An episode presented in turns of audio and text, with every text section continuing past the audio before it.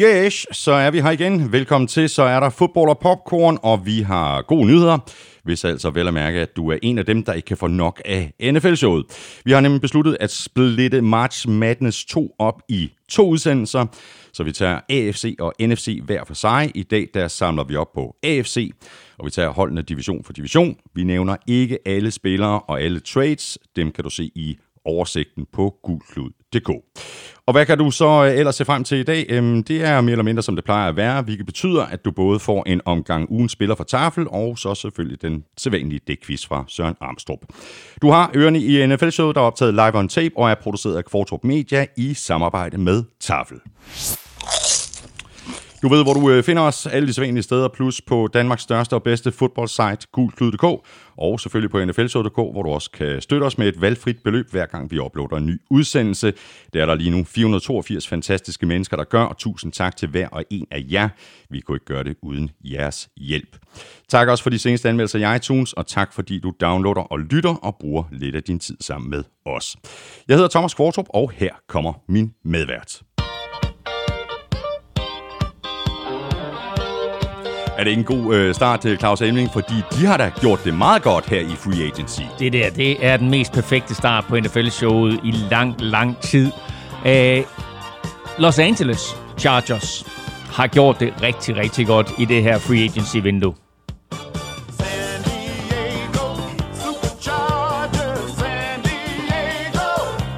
Chargers! Ja, det har de nemlig lige præcis. Øh, det er helt klart et af de hold, øh, som jeg synes har gjort det bedst. Ja, de har hævet en masse gode spillere ind. Øh, de har forstærket sig på rigtig mange positioner. Og øh, nu kommer draften her, øh, som vi selvfølgelig kommer til at tale om, som bliver i en helt anden udgave, end vi er vant til at se. Og når så draften er overstået, så forventer jeg, at de ringer til en fyr, der hedder Cam Newton, og siger, hvad? Yeah. Cam, Cammy boy, Cammy, hvad, hvad så? skal du ud og være quarterback hos os? Jamen, det er ikke utænkeligt, Nej. fordi Cam er jo stadig ledig på markedet. Det kommer vi lige til at tale lidt mere om uh, lidt senere i udsendelsen.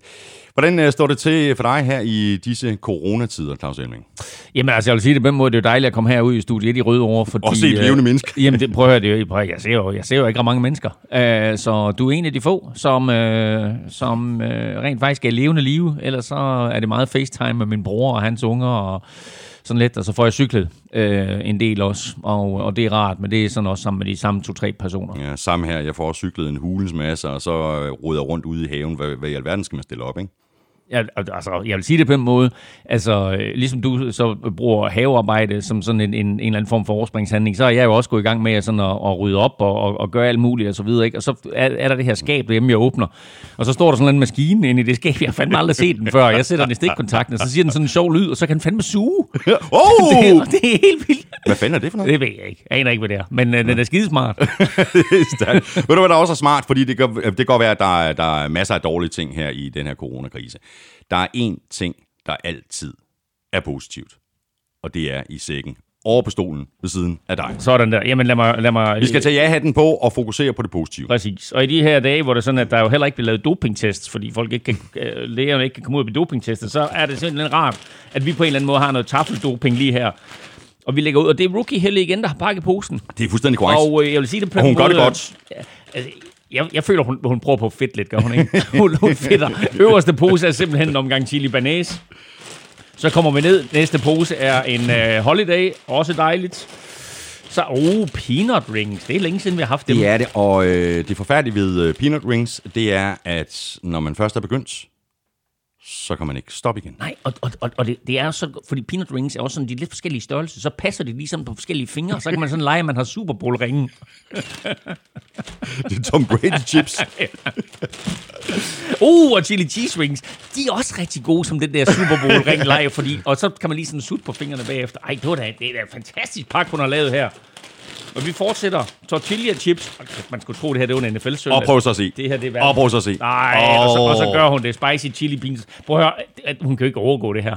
Det her, det er, det er en virkelig god pose rookie, Helle. Godt gået. Du er lynhurtigt kommet ind i kampen her.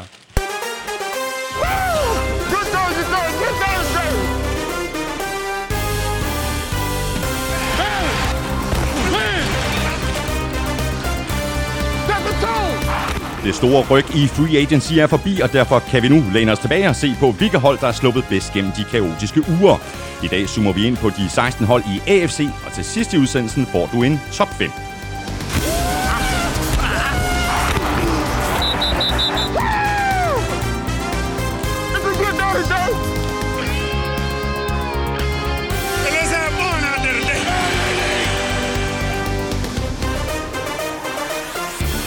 Der er stadig masser af arbejdsløse spillere. Nogle vil blive samlet op efter draften, når holdene skal have fyldt hullerne ud. Men hvad gør holdene egentlig frem mod draften? Coronakrisen har sat en kæppe hjulet på de normale forberedelser. Jeg hedder Thomas Kvartrup, og med mig har jeg Claus Elming.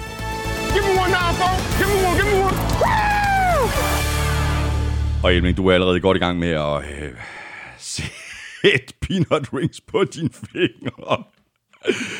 Ja, de kommer ikke så meget længere ned end til øh, fingerspidserne. Nej, det er nogle små, det er nogle, det er nogle små ringe, det her. Men øh, ikke desto mindre, så har jeg lige nu fire Super Bowl peanut rings på min finger. Det er klasse. Men jeg skal altså også lige, jeg skal lige have fat i den her pose her. De er gode. Men Elming, øh, vi kommer øh, dårligt udenom at tale lidt øh, corona, fordi selvom øh, NFL jo umiddelbart er en af de sportsgrene, der sådan er sluppet billigst fra alt det her, så kommer øh, krisen til at få indflydelse både på holdenes øh, forberedelser til draften, på forberedelserne til sæsonen, og dermed vel i virkeligheden også på selve sæsonen, hvis den altså starter, som vi jo håber, at den gør til september. Det er da det er et meget åbent spørgsmål, og der er rigtig, rigtig mange svar på det der, så lad mig starte fra en ende af. Øh, NFL-sæsonen skulle jo egentlig for alle de nye head coaches være begyndt i går, mm. i mandags.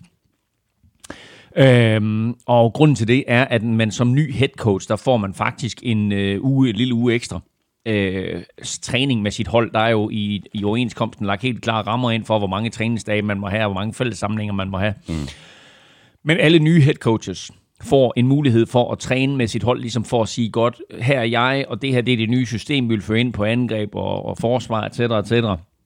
Så Mike McCarthy i Dallas, og Joe Judge i New York, Ron Rivera i Washington, uh, Matt Rule i Carolina, og Kevin Stefanski i Cleveland, som er de fem nye head coaches de skulle faktisk allerede i den her uge her have været sammen øh, med deres trupper for første gang, men øh, det er altså øh, i første omgang øh, den første konsekvens af ja, corona. Præcis.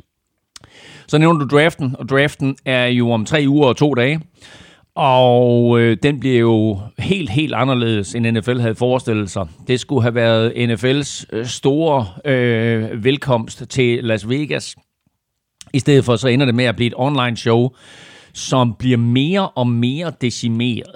Øh, inde på Google Plus skrev vi en artikel i går omkring, at øh, de to store tv-selskaber, der dækker det her, NFL Network selv og ESPN, nu også af hensyn til corona overvejer at lave en samsending, sådan så man ikke øh, ja, øh, sidder forskellige steder og skal have forskellige mennesker i aktion, inklusive kamerafolk og teknikere osv. osv.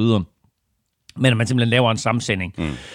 Øh, hvor mange der kommer til at sidde sammen i et tv-studie i Los Angeles er stadig uklart, hvem der, hvem der kommer til at sidde sammen. Øh, hvor meget der kommer til at foregå hjemmefra, er stadigvæk uklart. Men NFL sendte i går en skrivelse ud til NFL-klubberne om, hvor de sagde, at de vil øh, anbefale, at man simpelthen sad en og en hjemme hos sig selv, mm. og så via en eller anden form for Skype-lignende netværk kommunikerede med hinanden, kommunikerede med øh, NFL's hovedkvarter, fik sendt sin picks ind, et cetera, et cetera, og så videre.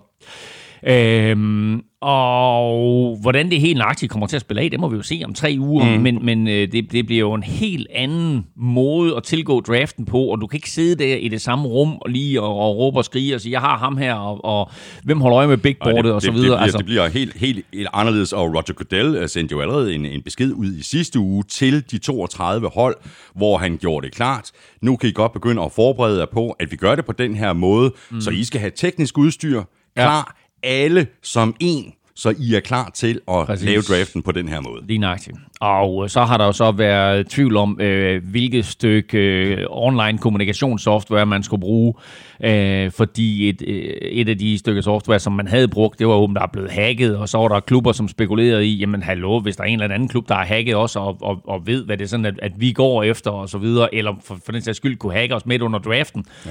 så, øh, så kan de følge med i, hvem er det, vi vil have. Øh, det vil jo fuldstændig øde, ødelægge hele konceptet omkring øh, spænding omkring draft picks og trades, og så videre, og så videre. Mm. mm. Så det er også vigtigt, at at, at det stykke software, man, man nu bruger, øh, det her videosoftware, at, at, at det på en eller anden måde ikke kan hackes, og at, at, at de har tiltro øh, til det. Mange, mange småting, øh, som ikke er småting, men som jo er nogle kæmpe store tekniske udfordringer, som de har de her øh, 16 dage mm, til at få mm. på plads. Ikke? Ja, præcis. Og så er der øh, noget, der i virkeligheden ikke er småting. Det er jo det her med, at alle holdene, de må møde 30 spillere frem mod draften. Og det er selvfølgelig aflyst. De kan ikke holde de her møder og små træningssessioner og, og, og, og så videre. Hvilket selvfølgelig betyder, at øh, holdene misser jo at kunne teste de her spillere, som de gerne vil.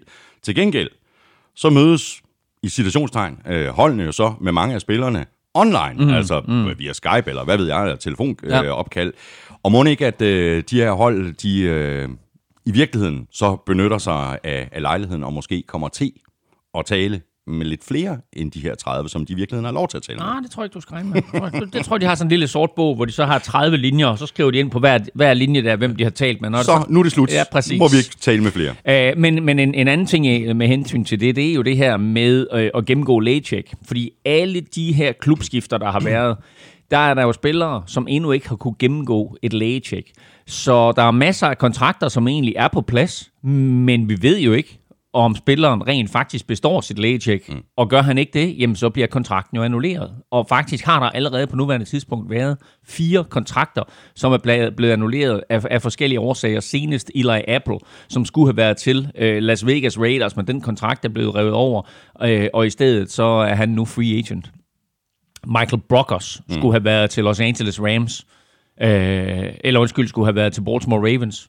Øh, hans kontrakt øh, er også blevet reddet over, og han er nu tilbage hos Rams. Så, øh, så fire spillere alt i alt indtil videre, og der skal altså nok komme flere. Mm. Øh, fortsæt svar på dit coronaspørgsmål. Øh, stadion i Los Angeles er ramt af et coronatilfælde. Heldigvis i første omgang, hvis kun et, og heldigvis øh, godartet.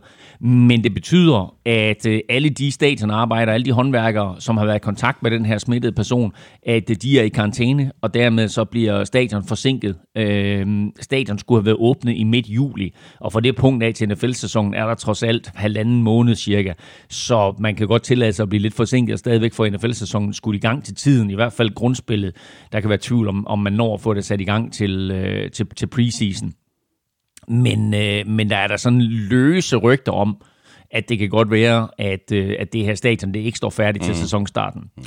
Og en anden ting er så også, at man i USA jo allerede nu begynder at tale om, øh, hvad kommer der til at ske med tilskuere på stadion? Kommer, kommer man til at sidde ved siden af hinanden, eller siger man, der skal være et eller to sæder imellem hver, eller kommer man simpelthen til at spille de første mange uger af grundspillet uden tilskuere?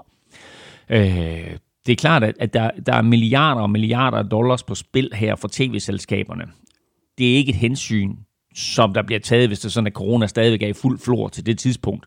Men man kan godt tage det hensyn og sige, fint nok, at de der 60-70.000 tilskuere, øh, eller i Jacksonville's tilfælde 12.000, de, øh, de, de, de skal ikke ind på stadion, øh, før vi er 100% sikre på, at, at det her det er fikset.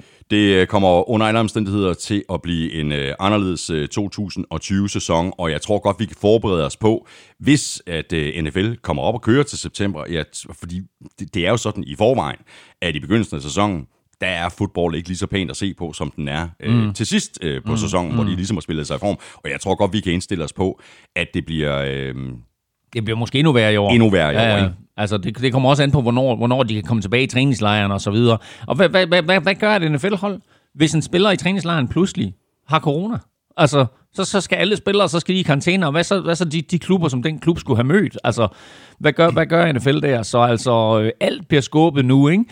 NFL er, som vi berørte i den sidste podcast, jo en af de få sportsgrene, som er meget, meget lidt berørt af corona stadigvæk, fordi de er i stand til at afvikle deres, øh, deres 2019-sæson med Super Bowl i februar 2020 her, ikke? Og som det ser ud nu, så er der begrundet håb om, at man kan komme i gang igen øh, i øh, omkring 10. september, mener jeg, der, at, at sæsonen starter. Men altså, det er nu, og, og der, der er fem måneder til, og USA er ramt super, super hårdt i øjeblikket. Så altså, og tiden den går bare, så vi aner ikke, øh, hvor det her det stopper. Men NFL øh, har, som, NFL skulle ud på nuværende tidspunkt, øh, ja, hvad har vi her 6. april nu, ah, måske næste uge øh, vil de være kommet ud med øh, kampprogrammet for den kommende sæson. Men det er skubbet øh, sådan så de kommer først med offentliggørelsen i starten af maj. De har sagt senest den 9. maj. Og det er også igen, fordi der er en masse ting at tage hensyn til. Plus, at de på det tidspunkt sikkert også kommer ud med to eller tre forskellige kampprogrammer. Et med 16 kampe i grundspillet, et med 14 kampe i grundspillet, og et med 12 kampe i grundspillet, og alle sammen med en senere start, sådan som man altså holder fast i Super Bowl-datoen første søndag i februar, men øh, vil skubbe sæsonstarten, hvis det er det, der er behov for. Mm. Og i forhold til øh, slutspillet, øh, så ligger det jo fast nu, at øh, det er udvidet til, øh, til 14 hold. Lad os lige vende øh, tilbage, ja, og vi kan godt tage den nu. Øh, de har øh, besluttet NFL, at, øh, at slutspillet bliver udvidet til 14 mandskaber, øh, og øh, dermed så kommer der altså seks wildcard-kampe i den første weekend. Øh, tre om lørdagen og tre om søndagen, så det bliver lidt ligesom sådan en, en, en normal fodbold-søndag med en, øh, med en, en, en, en klokken 19 kamp, en klokken 22 kamp og en klokken sen kamp øh, dansk tid. Mm. Om de tidspunkter helt nøjagtigt kommer til at passe, det må vi lige se. Men, øh, men i hvert fald øh, tre øh, AFC-kampe og tre NFC-kampe i den første slutspilsweekend. Den sidste ting, jeg lige vil sige med hensyn til corona, det er et, øh, et dødsfald desværre, som vi er nødt til at snakke om, øh, nemlig den legendariske kicker Tom Dempsey, som officielt er den første øh, nulevende øh, NFL-spiller, øh, som er gået bort. Han blev 73, og øh, han fik øh, corona på et øh, plejehjem i New Orleans, og det overlevede han altså ikke. Og øh, hvis du ikke har hørt om Tom Dempsey, så øh, giver vi dig lige her en, øh, en lille hurtig recap af hans øh, både øh, liv og karriere, fordi han er født uden tær på højre fod og uden fingre på højre hånd, men øh, har en stor dreng, øh, sådan omkring 110 kilo, øh, tæt pakket, så øh, sad altså et, et, et øh, rimelig stærkt, øh, rimelig stærk højre skanke på ham der, og øh, så spillede han med på sin højre fod en støvle, som var sådan helt firkantet i enden. Øh, og det betød, at han havde jo simpelthen, altså det, man kan ikke kalde det en stivtog, for han havde ingen tær, men øh, det var så en eller anden form for øh, stivfod, han sparkede med der. Og øh, det var altså ikke noget med sådan liggende bristspark eller noget, det var simpelthen bare lige tilbage, og så lige på, og så tyre til den der. Og han havde altså et vanvittigt stærkt ben. Mm.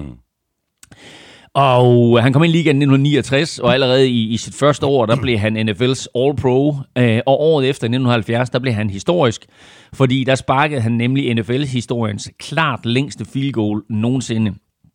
Det var på øh, 63 yards, og det man skal lægge mærke til, det var, at målstolperne på det tidspunkt stod på mållinjen.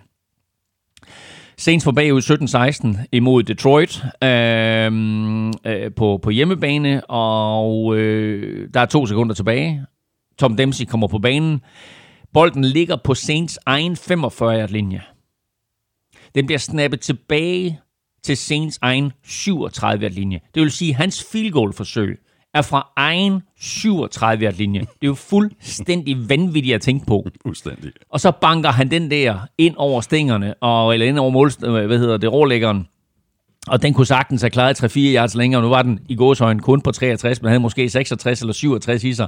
Men den stod altså, det field goal stod altså som NFL's længste field goal ind til 2013, hvor var det Matt Prater, mener jeg, som, øh, som sparkede en 64'er i Denvers tynde luft. Mm. Øh, og det er 64, der så siden blevet tangeret, men det er altså stadigvæk i historien øh, den næstlængste distance. Det er meget, et, meget imponerende. Et, et, et field goal, Og så langt tilbage, og jeg så også, at øh, Morten Andersen tweetede om Dempsey øh, faktisk i går, okay. hvor, hvor han ja. øh, også takkede ham. Øh, Elming, øh, nu nævnte vi lige det her med, at der er nogle øh, handler, der er gået i, i vasken, blandt andet på grund af, af corona.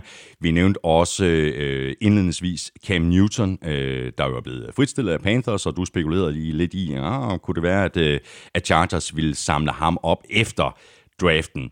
Øh, spørgsmålet er, om han øh, stadig er ledig på markedet til efter draften.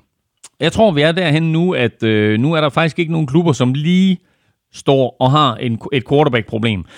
Øh, bortset fra, fra Chargers og måske, øh, måske Dolphins, men, men altså begge... Og, begge og, og måske Patriots.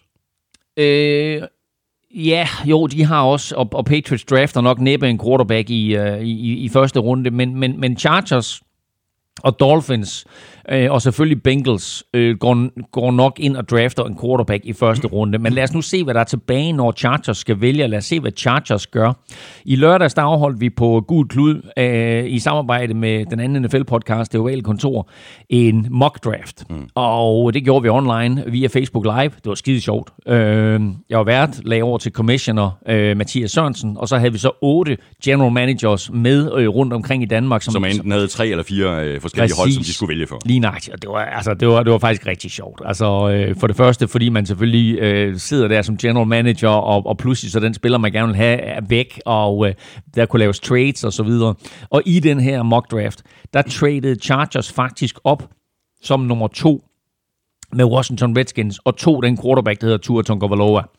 Og det er et meget muligt scenarie i den kommende draft. Det kunne også være, at øh, det bliver Dolphins, der gør det fra femeren og op til toeren. Så vi kan sagtens se, at, at Redskins de kommer ud og, og laver en eller anden form for trade fra den anden plads, de har der, fordi der er en quarterback, der er op og have Tua.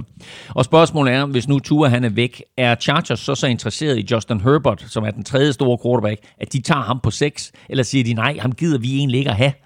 Vi vælger en anden spiller, og så henter vi Cam Newton ind via free agency. Så det er de tanker, som, som helt sikkert øh, øh, øh, florerer nu i... Øh, i har, har, har, jeg kaldt dem San Diego et par gange her? det ved jeg ikke, det holder mig. Nå, men anyway, anyway. Og det bliver de ved med at hedde. Anyway, øh, det, det, det er tanker, der florerer øh, hos Chargers lige nu. Og, øh, og vi ved jo ikke, altså vi ved det ikke før, før første dagen er overstået på, på draften, men det bliver meget, meget interessant at se, ja. hvad der sker. Måske allerede fredag ikke? Altså, hvis Chargers ikke har valgt en quarterback i draften om torsdagen, skriver de så under med Cam Newton om fredagen. Meget, meget mere om det om 16 dage. Mm. Skal vi lige runde på andre spillere, der er også stadig er ledige. Øh, Jadavian Clowney, han er stadigvæk øh, ledig. Det er Sue også. Ja. Et par store lad, navne. Lad os starte med, lad os starte med Jadavian Clowney. Er ikke. Øh, er ikke, fordi han har skrevet under med boks. Det er rigtigt. Undskyld. Ved du hvad? Øh, undskyld. Ja. Lige præcis. Der var rygter om, at han måske vil et andet sted hen, men han har valgt at skrive under. Og, og, og det kan måske skyldes, at Tom Brady er kommet til klubben. Jamen lad os bare kalde det for hashtag Tom Brady-effekten, ja. fordi øh, han kommer til klubben, og pludselig så er det ikke så interessant for Sue at komme et andet sted hen. Sue har tjent de penge, han skulle. Øh, og her der kan han da godt se, wow, der er faktisk en reel chance for, at vi kommer i slutspillet, og hvem ved, altså han har så meget erfaring, og, og der er sådan en aura omkring Tom, så altså måske er der en, en outside øh, mulighed for, at, at de vinder Super Bowl. Ikke? Altså, så, øh, så, så han blev, og der er mange andre spillere, som er blevet i Tampa, og angiveligt, som jeg også tror, vi nævnte i sidste podcast, så er der spillere og agenter, der ringer til Tampa og siger, hey, vi kunne da egentlig godt tænke os lige at sætte et, et Skype-møde op, du ved, kan vi få et eller andet på plads her? Mm. Nå. Men Sue er der ikke længere som free agent. Det er til Damon Clowney til gengæld. Og lidt optimistisk vil have 20 millioner dollars. Angiveligt har han sat sig selv på udsalg nu, så nu er han nede på en 16, 17, 18 millioner dollars. Russell Wilson tækker ham om at blive i Seattle Seahawks. Tennessee Titans har ytret interesse, og det har Cleveland Browns også nu. Og henter de også David Clowney ind Cleveland Browns, så må vi sige, at så er det det hold, der har vundet den her free agency-periode. Ja.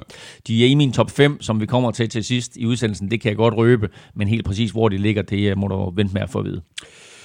Og så har vi øh, faktisk, skal vi lige runde øh, den her øh, del af med øh, noget af et øh, comeback. Outside linebacker Alden Smith er blevet signet af Cowboys. Han har fået et enkelt år, må ikke øh, vi skal betragte det som en, øh, sådan en, en prove-it deal. Øh, bevis lige, at du har fået styr på dit liv, at du ikke længere er afhængig af alkohol, og at du kan træffe sådan nogenlunde fornuftige og voksne beslutninger. Jo, men det der undrer mig i den der aftale, for det første synes jeg, det er fedt, at Cowboys giver ham chancen. Øh, her har vi en meget, meget talentfuld spiller, som øh, ja, øh, jeg ved ikke, hvad der skete, men man har jo kugleskør i hvert fald, om, om, det var, om det var drugs, eller det var alkohol, det var, eller hvad det var. Det var alkohol. Jo, men altså, den måde, han agerede på, der var en eller anden lufthavn, hvor han agerede helt irrationelt. Det, det, det er sgu ikke kun alkohol, så der, der har været andre ting i spil der, men altså, det, det skal jeg ikke begynde at spekulere i, selvom jeg lige har gjort det. Øhm, Men det, der undrer mig i hele den her sag her, det er, at Cowboys giver ham så stor en aftale, som de gør. Altså, de kunne få ham til minimumslønnen, som med hans ancienitet måske vil være 800 eller 900.000 dollars max. Øh, og alligevel så giver de ham, at 3 millioner dollars alt inklusiv og sådan noget. Der tænker jeg, altså, hvor mange andre klubber var lige på markedet? Altså, hvem, hvem, hvem konkurrerede de mod? Hvad, hvad skulle de give ham så stor en kontrakt for? Fair nok, at de gør det. Øh, det er mange penge for en øh, spiller. Øh, et, for dem at give til ham, hvor det så man ikke helt er sikker på, hvad han har, hvad han kommer med, og hvad hans bagage er. Ja. Og to, altså for ham, lige pludselig at få så mange penge mellem hænderne, ikke? Altså, det kan gå helt galt, det der. Det kan gå helt galt, og det kan gå helt godt, og jeg håber det bedste for Alden Smith. Han er kæmpe talent, og jeg håber virkelig, at han er kommet tilbage på, øh, på sporet. Øh, to spørgsmål kan vi lige nappe her. Øh, det første fra Anders Vikkelsø. Øh, han skriver sådan her, jeg kan se, at free agents bliver kaldt tre forskellige ting. Unrestricted free agents, restricted free agents og exclusive rights free agents. Mm. Kan I hjælpe mig med at forstå, hvad forskellen er? Ja, Helt sikkert. Og først og fremmest vil jeg sige, gå lige ind på Gud Klud. Vi har den serie, der hedder 101, øh, hvor man får øh, svar på en masse af de her øh, NFL-relaterede spørgsmål, man har. Øh, hvor vi også beskriver, beskriver øh, både, hvad de her øh, forskellige former for free agents de er, og hvordan man bliver det, det, det forskellige, og, og hvad de her forskellige tags de også indeholder. Men kort fortalt, så kommer det an på, hvor meget ancienitet man har, og hvor langt man er henne i sin første kontrakt.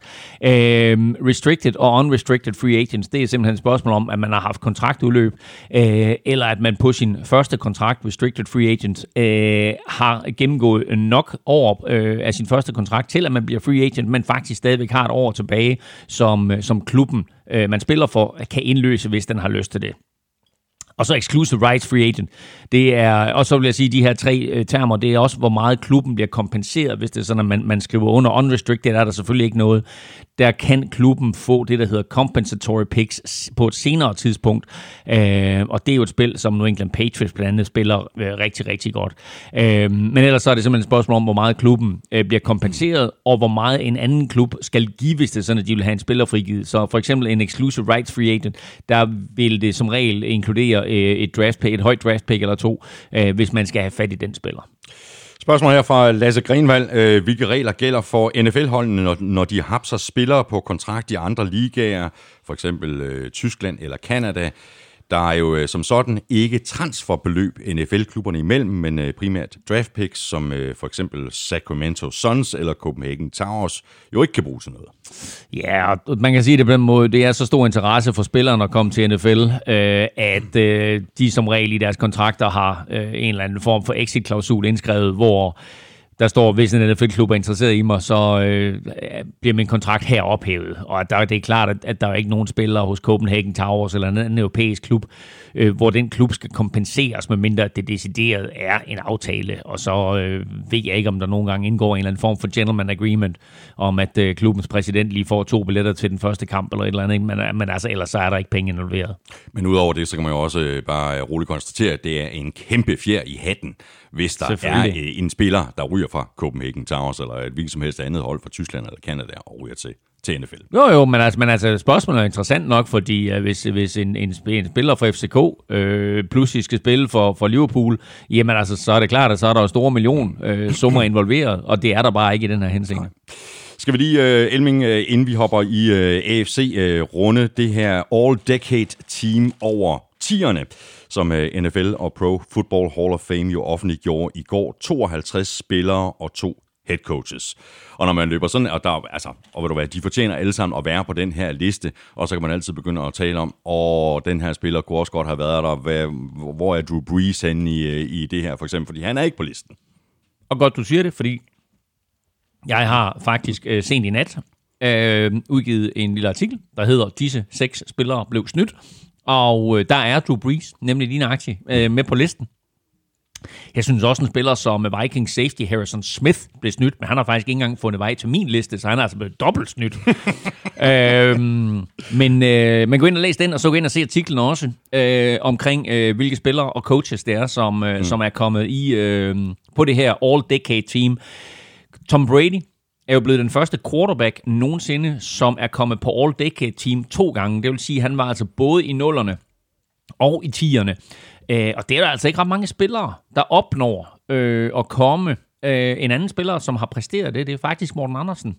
Han var både på 80'erne og 90'ernes hold, må det være, ikke? Mm. Øh, så øh, en, en, en øh, jeg vil sige, at altså, det, det, det, det er sgu meget fint. Øh, øh, appelsin i turbanen, som Morten han har, det er ikke med at have været med to gange, og han er altså i selskab med, med, med Tom Brady her, ikke?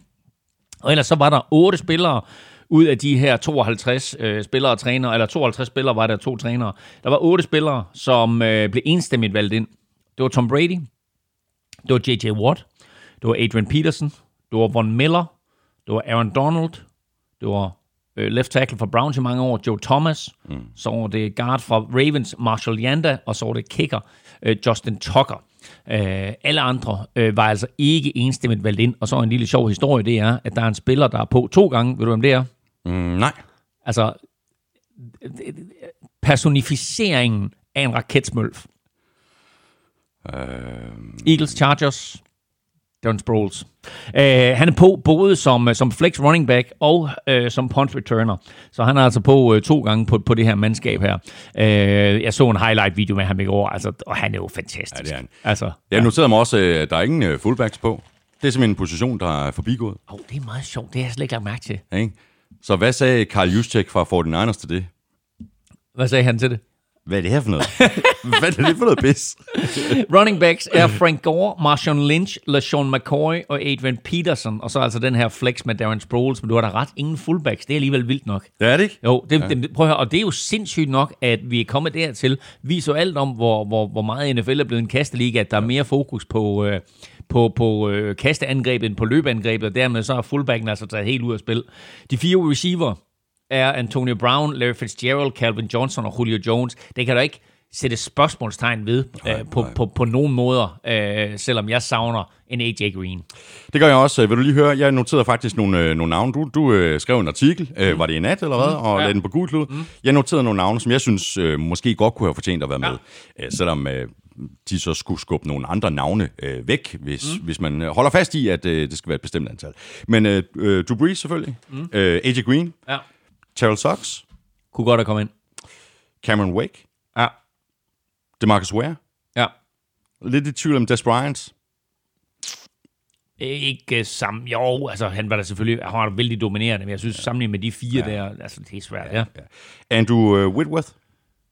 Øh, han er helt sikkert fortjent det. Øh, han har ikke rigtig vundet noget, Andrew Whitworth, og har været strandet i mange år hos, uh, hos Bengals, så måske derfor. Men ja, men, men ja en, en super dominerende uh, figur. Vi kan lige uh, de offensive tackles, der er på. Det er Joe Thomas, som sagt.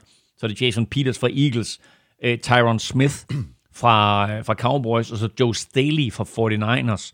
Uh, og der kunne man da godt have, have fundet plads til Whitworth. Der er to navne mere. Jason Witten Jason Witten stiller også spørgsmålstegn med, hvorfor han ikke var med, og især fordi Travis Kelce var med. Altså, Kelce er god, men han har trods alt ikke været i ligaen ret længe, øh, og nok er han selvfølgelig et unikum, øh, øh, og han og Gronk er de to tight ends på det her mandskab her. Men, øh, men ja, Jason Witten kunne godt have fundet vej til listen. Og så har jeg noteret Cam Chancellor.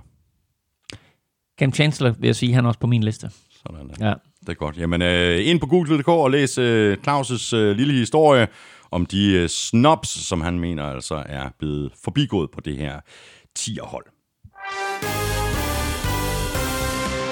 Vi skal have quizzen! Åh. Oh. Det er tid til quiz, quiz, quiz, quiz, quiz. jeg ved ikke, hvorfor jeg altid har det sådan lidt... Øh, åh, nu kommer der et eller andet mærkeligt. Ikke? Nej, jeg synes da ikke, jeg kommer med mærkelige ting. Jeg synes, jeg kommer med nogle quizzer, som beriger både dig og lytterne. Det er også rigtigt. Kom så med den. Godt. Hvem er den ældste spiller, der nogensinde har været i pro? Nej. Okay. Godt så. Anyway. Øh, nej, jeg har faktisk en, øh, en lidt øh, sjov, øh, interessant øh, statistik her. Øh, nemlig antallet af flest kastede touchdowns siden 2017. Øh, jeg har de øverste 1, 2, 3, 4, 5, 6, 7, 8, 9, 10. Jeg har en 12 navn på. Og jeg skal bare bede om den spiller af alle, der har kastet flest touchdowns siden 2017. Den spiller, der har kastet flest touchdowns siden 2017. Ja, det vil sige i sæsonerne 17, 18 mm. og 19. Mm. Jeg har i hvert fald lige noteret et øh, par navne øh, ned. Ja. Det er sikkert ikke øh, Måske, dem. måske. Så. Can't do it. Åh oh, jo. Ja, sådan. Ej, hvor er de gode, de her Ja, de er nemlig rigtig gode. Så skal vi have øh, Amstrup's Det Quiz. Ja, tak. Han skriver sådan her. Brady er ikke længere patriot. NFL-showet er universets sidste bastion. Det rimer næsten. Ligaen holder pause, og verden er en anden. Tak for Kur og Elming. Vi har da showet og hinanden. Houston lider under Bill O'Briens persona. Hopkins væk i en slags Arizona Corona. Ingen fodbold er en reel skræk. Hvilke tre hold har været i playoff flest år i træk? Hvilke tre hold har flest år i træk været i slutspillet, og det er ikke kun aktive streaks, Ah, nej. der er tale. Ah, nej, ah, nej, okay. Så det er historisk set, hvilke Ja, tre hold. ja. ja men jeg har, jeg har en rimelig god fornemmelse af det. Det har jeg også en jeg, rimelig god to, fornemmelse. hvis jeg siger to NFC og et AFC hold, er er på rette vej så? Mm, Det ved jeg ikke. Nu Okay. må du selv sidde og, sidde, og døje med. Ja, det er godt. Godt. Så tager vi hul på øh, gennemgangen af AFC. Vi tager holdene division for division, og vi tager holdene i den rækkefølge, som de sluttede i 2019. Og vi lægger ud med AFC Vest og Super Bowl-vinderne fra øh, Chiefs, der har øh, franchise-tagget defensive tackle Chris Jones. Vi kan ikke komme som noget chok. De har så til gengæld sagt farvel til cornerback Kendall Fuller og defensive end Emmanuel Ogbar. Og så er der faktisk ikke sket så forfærdeligt meget mere. Dels har de ikke specielt mange penge at gøre godt med, og der går heller ikke øh, forfærdelig lang tid, før Patrick Mahomes skal have en ny kontrakt. Så det har vel i høj grad øh, handlet om at holde øh, fast på det her hold. Det har det helt sikkert, og det har de faktisk også været i stand til. Altså, den vigtige, det var selvfølgelig at få franchise-tagget Chris Jones, og så kom der faktisk en nyhed her i forgårs, nemlig at klubben har skrevet under med Sammy Watkins. Der var jo sådan lidt øh, tvivl om, om øh, han ville sidde et år ude, fordi han ikke mente, at han kunne få de penge, som han fortjente osv. Men øh, nu har han altså signet med, med Chiefs igen, og dermed så har de altså hele øh, den, den offensive trup øh, tilbage. Øh, Holmes og alle hans våben øh, er der, øh, og det betyder bare, at, at de fortsætter fuldstændig, hvor de slap, øh, og det er skræmmende nyheder for alle, og usædvanligt også, øh, at øh, faktisk at både 49ers og Chiefs, som var i Super Bowl nu her, har været i stand til at øh, bevare deres trupper så godt, som de har, fordi ofte så bliver Super Bowl-mandskaber, så bliver de ribbet, men øh, begge, begge klubber har altså været i stand til at, at holde øh, fast på, på arvesølvet. Så videre til Broncos, der øh, til gengæld øh, har været temmelig aktive, og de har gjort det øh, overordnet fornuftigt, synes jeg. De har godt nok mistet cornerback Chris Harris Jr. og center Connor McGovern. Til gengæld så har de fået tilført running back Melvin Gordon, der er skrevet under på en toårig kontrakt. Så har de traded sig til øh, defensive tackle Joel Casey fra Titans, cornerback AJ Bowie er kommet til fra Jaguars, og safety Justin Simmons er blevet franchise-tagget. Og det var ligesom fornemmet man øh, første prioriteten for Broncos. Så, så kan vi måske også lige nævne guard Graham Glasgow, der er kommet til fra Lions og har skrevet under på en fireårig kontrakt. Jeg synes, jeg synes solidt det her. Jeg synes, det, der er gode navne til Vic Fangios forsvar. Nu skal de bare lige have en, forestiller jeg mig, en wide receiver i draften. Øh, jamen altså, øh, jeg synes Broncos har gjort øh, rigtig, rigtig mange gode ting. Altså bare det, at de får øh, Joel Casey ind fra Titans, synes jeg er en, en, en kæmpe handel. Øh, og de fik ham billigt. Titans havde behov for at slippe af med ham af, af lønmæssige årsager, og øh, Broncos gav syvende runde pick for ham, og han har stadigvæk masser af benzin i tanken. Øh, så han bliver... Øh, ham bliver Broncos-fans glade for, og han bliver en stor brik i Vic Fangios forsvar. Øh, Drew Lock øh, er jo nu øh, endegyldigt øh, nummer et quarterback, altså Joe Flacco er sendt på porten. Der er Så- faktisk et spørgsmål her øh, Ja. fra Nikolaj Tejlsø, øh, der spørger ind til lige præcis det. Han skriver sådan her, efter Denver sendte Flacco på porten, har Denver kun Lock og Jeff Driscoll tilbage som quarterbacks. Lock så lovende ud i de fem kampe, han fik sidste sæson, men har de ikke brug for en mere erfaren backup, som han kan læne sig lidt op af? Jo, jo, men øh, hvad med James Winston? Så øh, han er stadigvæk free agent. Så, Se, hvordan man ikke skal gøre. ja, Du skal men- ikke kaste Jo, interceptions. jo, men altså det vigtige, det er selvfølgelig at få noget erfaring ind bagved, øh, ind, ind, ind bagved Drew Lock, og så øh, have en, en, en god backup i det, i det tilfælde 7. i 13, at han går ned. øh, men det er klart, at man håber på, selvfølgelig at ens quarterback øh, spiller øh, øh, hele sæsonen, og at han ikke bliver skadet. Og lad os da endelig håbe det for Broncos fans, fordi jeg synes, der er så meget potentiale øh, i det Broncos mandskab. Øh, især defensivt, men også offensivt, synes jeg, de er begyndt at, at stable noget godt på benene, og Melvin Gordon kommer ind som running back, øh, og dermed så får de også en, en rigtig fin trio på, på running back der, øh, med, med Royce Freeman og, og Philip Lindsay. Øh, og så har de Cortland Sutton det her vidunder øh, på, på receiver. De har Noah Fant på tight end, så som du siger, ja, altså kan de hive, øh, kan de hive en receiver ind, eller måske en offensive lineman, så begynder det at, ja. at se rigtig godt ud for Broncos. Helt enig. Og så kan det godt være, at øh, Las Vegas ikke får lov til at afholde draften. Til gengæld, der kan byen se frem til Las Vegas Raiders, og der er sket ting og sager for John Gruden og Mike Mayock her i free agency. Linebacker Corey Littleton er kommet til for Rams, har skrevet under på en treårig kontrakt. Linebacker Nick Kwiatkowski har skrevet under på en øh, treårig aftale. Han er kommet til efter fire år hos Bears. Defensive end Carl Nassib, der har spillet for Browns og senest Buccaneers, har skrevet under på også en aftale på tre år. Wide receiver Nelson Aguilar har skrevet under på en etårig aftale. Det har tight end Jason Witten også. Og så skal Marcus Mariota være backup til øh, Derek Carr. Øh, spiller der ikke længere er hos Raiders, der har jeg noteret de to safeties, Carl Joseph og Curtis Riley, og cornerback Daryl Worley. Masser af gode ting i Vegas, øh, og så har de ovenikøbet to picks i draften i første runde. De har to picks i, i draften i første runde. Den ene er selvfølgelig deres eget pick, og den anden det kommer fra den her Khalil Mack trade, som de lavede med, med Chicago Bears. Og så nævnte vi lige i starten, at, sådan, at de jo egentlig havde hævet uh, Eli Apple ind, øh, men uh, han er, hans kontrakt er så blevet revet tur. I stedet for har de fået Demarius Randall ind, som er tidligere første runde pick for Packers. Så jeg synes, der er sket rigtig mange, rigtig mange gode ting i ørkenen. Øh, nu er nu draften selvfølgelig aflyst i Las Vegas. Øh, det skulle have været NFL's øh, store, flotte entré øh, i søndens hule, men øh, nu bliver øh, første gang, vi, vi kommer til at se NFL i, i Las Vegas, det bliver altså i forbindelse med preseason eller øh, grundspillet, og selvfølgelig alt afhængig af, af corona. Chargers, de har også været aktive, og helt overordnet synes jeg, at de har haft en rigtig god free agency, som vi også taler om helt indledningsvis i, i den her udsendelse, Elming. Philip Rivers er ikke længere i klubben. Det er running back Melvin Gordon heller ikke. Austin Eckler, der nu er første running back, han har skrevet under på en fireårig kontrakt. En af de bedste right tackles i ligaen, Brian Bulaga, har skrevet under på en treårig aftale, og det er en af de der treårige aftaler til, øh, til 30 millioner. Dem øh, talte vi om for et par uger tid siden, dem var der mange af. Så har øh, guard Trey Turner, han er kommet til fra Panthers, der til gengæld fik øh, tackle Russell Okun tilbage. Cornerback Chris Harris Jr. er kommet til fra Broncos, han har skrevet under på en toårig kontrakt. Defensive tackle Linville Joseph er kommet til fra Vikings, og han har fået en kontrakt på to år. Tight end Hunter Henry er blevet franchise-tagget. Safety Adrian Phillips og linebacker Thomas Davis er ikke længere i klubben, men overordnet synes jeg, at det, det ser rigtig spændende ud. Jeg synes, de har gjort så mange gode ting i, øh, i det her transfervindue, og øh, jeg må bare sige, at øh, Philip Rivers, han må da også kigge lidt og så sige, altså, hvad sker der med opgraderinger på den offensive linje? Hvorfor kom de ikke, mens jeg spillede der? Hmm. Øh, forsvarsmæssigt, kæmpe stor øh, opgradering i midten med Linville Joseph, og så vil jeg sige, og jeg blev svinet lidt for det, fordi øh, i sidste uge, der sagde jeg, at Chargers havde den bedste backfield, altså på den defensive side, cornerbacks og safeties, og så var der nogle Ravens-fans, der flynede og sagde, nej, det har vi.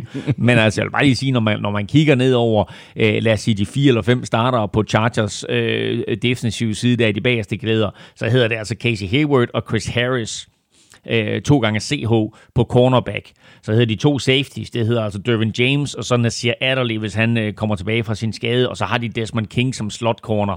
Øh, det, er en, det er en svær øh, quintet at, at slå, selv for Ravens fans. Nu har vi taget holdene Elming i den uh, rækkefølge, uh, som de jo sluttede 2019-sæsonen. Nu uh, skal vi komme med et, et frisk og meget tidligt bud på, hvordan vi ser de her hold uh, slutte 2020-sæsonen. Ja. Og der kan jo nå at ske meget. Altså, ja, ja.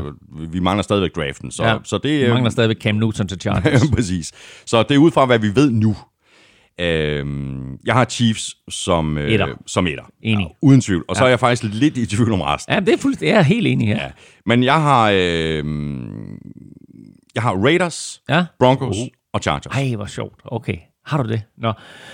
Raiders, Broncos og Chargers. Jamen, jeg bytter om på Chargers og Raiders, så jeg siger Chargers 2 wow. og Broncos 3 og Raiders 4. Du har Raiders til at, jamen, at, at slutte sidst? Jamen, det er da kun fordi de andre tre, synes jeg. Nej, altså, okay, hvis jeg skulle ændre på det her, så ville jeg sætte Broncos sidst. Men altså, Broncos har også gjort mange gode ting. Raiders har gjort mange gode Jamen, ting. Præcis. Chargers har gjort mange gode exactly. ting. Ikke? Grunden til, at jeg har Chargers i bunden, er, fordi de har øh, et stort spørgsmålstegn ud for quarterback. Selvfølgelig. Ikke? Og jeg har også antaget lidt her, at der sker et eller andet på quarterback. Lige nu er deres quarterback Tyrod Taylor. Mm. Så går vi til øh, AFC South, øh, hvor vi lægger ud med Texans. Øh, den helt store historie her er selvfølgelig øh, det fuldstændig uforståelige trade, der sendte DeAndre Hopkins til Cardinals, som så sendte David Johnson den anden vej, plus lidt lommeul i, i draften. Randall Cobb, der er slot receiver, han har fået en treårig aftale. Han skal så forsøge at løfte arven fra DeAndre Hopkins. Pøj, pøj med det, siger jeg bare. Texans har også mistet defensive tackle DJ Reader og cornerback Jonathan Joseph. Cornerback øh, Bradley Roby har forlænget med en treårig aftale. Men Elming, når vi skal sådan summere Texans uh, free agency-periode op, så bliver det ikke nogen god karakter, fordi alene den DeAndre mm. Hopkins trade, den trækker simpelthen bare voldsomt ned.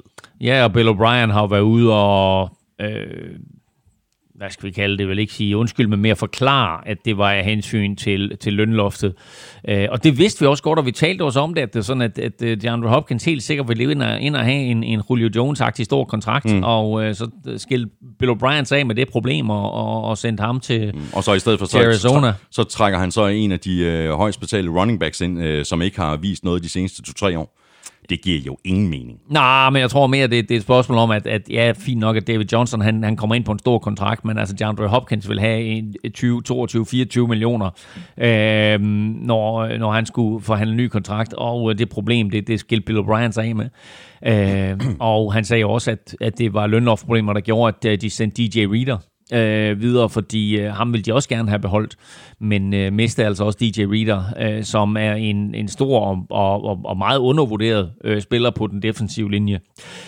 Så alt i alt, så øh, var det her et meget, meget skidt transfervindue for, øh, for Houston Texans. Jeg så ikke ret mange gode ting komme ind, og, og jeg så især den der DeAndre Hopkins og, og, og DJ Reader ja. øh, deals, øh, som, som har gjort dem svagere på begge sider af bolden. Titans, de har truffet deres valg på quarterback. Væk er Marcus Mariota, og Ryan Tannehill er nu manden. Han har fået en fireårig aftale til en værdi af hele 118 millioner, hvoraf de 62 er garanteret. Running back Derrick Henry har fået franchise-tagget. Outside linebacker Vic Beasley er kommet til fra Falcons. Han har skrevet under på en etårig aftale. Farvel til tackle Jack Conklin, cornerback Logan Ryan, defensive end Joel Casey, traded til Broncos, outside linebacker Cameron Wake, han er blevet fritstillet, og det er tight end Delaney Walker og running back Dion Lewis også. Uh, umiddelbart så synes jeg, at der er mange penge bundet op i to spillere på det her hold. Det er selvfølgelig Ryan Tannehill og så Derrick Henry. Mm. Og, og øh, vi så jo også sidste år, at, at, at det var omdrejningspunktet på, øh, på det her angreb, og omdrejningspunktet var nok mere Derrick Henry, end det var Ryan Tannehill.